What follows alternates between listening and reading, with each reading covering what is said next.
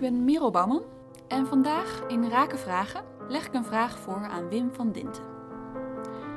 Deze vraag gaat over creativiteit.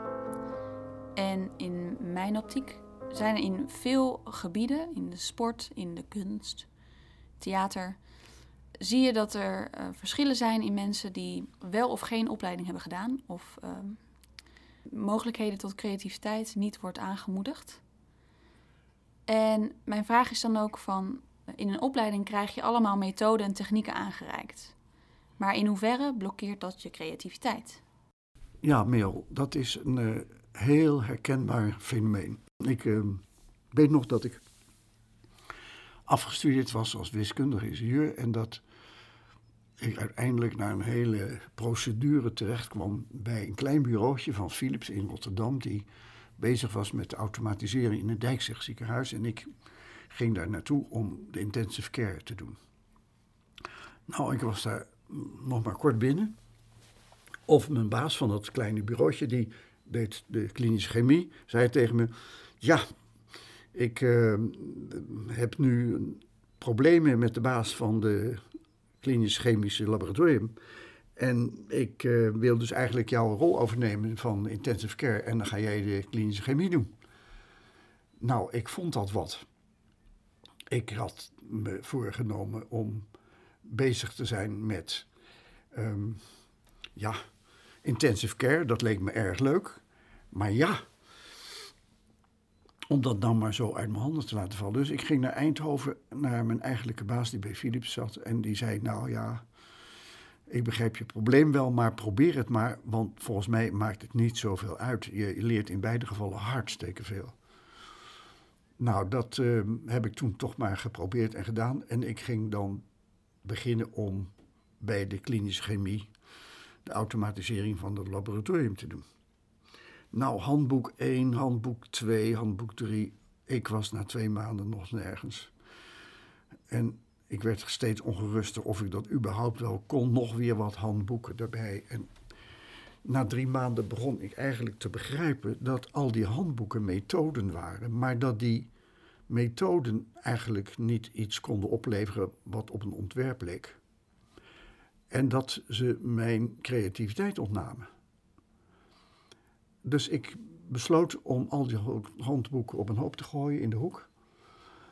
En mijn creativiteit de ruimte te geven. En binnen tien dagen had ik een ontwerp. Waar ik ook nog heel tevreden over was. En later zag ik, toen ik hoogleraar was, op allerlei manieren jonge mensen. die dweepten met methoden en ook zo getraind waren. en dachten dat ze met die methode iets voor elkaar zouden kunnen krijgen waar ze naar op zoek waren. En soms kwam er ook wel wat uit, maar je herkende de methodologie die eronder zat. En je herkende ook dat ze veel meer konden als ze zichzelf de ruimte gaven. En daaraan overgaven om iets voor te brengen wat specifiek voor hun talent was. En waarbij zij iets deden en mogelijk maakten wat voor een ander onbereikbaar was, omdat een ander nou eenmaal anders denkt en in de wereld staat en zich andere voorstellingen maakt dat zie je dus ook terug in wat je vroeg. Als je mensen hebt die aan de kunstacademie getraind zijn, of aan een conservatorium, dan hebben ze een methodische opleiding vaak gehad, meestal. Je hoort ook de school vaak terug. En dan, dan zijn ze kwijtgeraakt wat hen eigenlijk beweegt. Dus als je bijvoorbeeld mensen ziet die naar Juilliard School gaan in New York en daar viool willen leren spelen, het eerste wat ze afleren is die methodologie die ze hebben geleerd. En proberen de ruimte weer te ontdekken en te hervinden en te durven vertrouwen op hun eigen mogelijkheden en creativiteit. En wat ze in hun muziek zouden willen leggen, durven te leggen.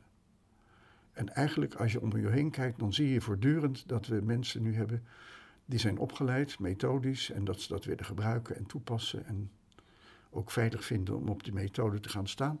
Maar je hoort onmiddellijk dat wat ze in hun mars hebben geen kans meer krijgt. Wat ontzettend jammer. Ik hoop dat je, als je jong bent, je durft te vertrouwen op je mogelijkheden, dat een kans geeft. En dan is een opleiding wel helpend, maar niet op de manier dat het je eigen creativiteit ontneemt of blokkeert. Dat je het gebruikt als hulp en niet als dwingelandij. Dat kan ertoe leiden dat je degene die je opleidt daar niet vrolijk van wordt. Ik ken mensen die aan het promoveren zijn en een soort dwangbuis hebben gekregen van hun hooggeleerden waarbij ze moeten promoveren. Dat kan soms bizarre vormen aannemen. En dan zeggen ze, oh god, ik zal zo blij zijn als ik klaar ben met die dissertatie. Dan ben ik van deze lijdensweg af. Wat vreselijk jammer dat we mensen met hun creatieve mogelijkheden niet de kans geven en de ruimte geven om dat te laten zien. Ik wens je heel veel ruimte voor je eigen creativiteit.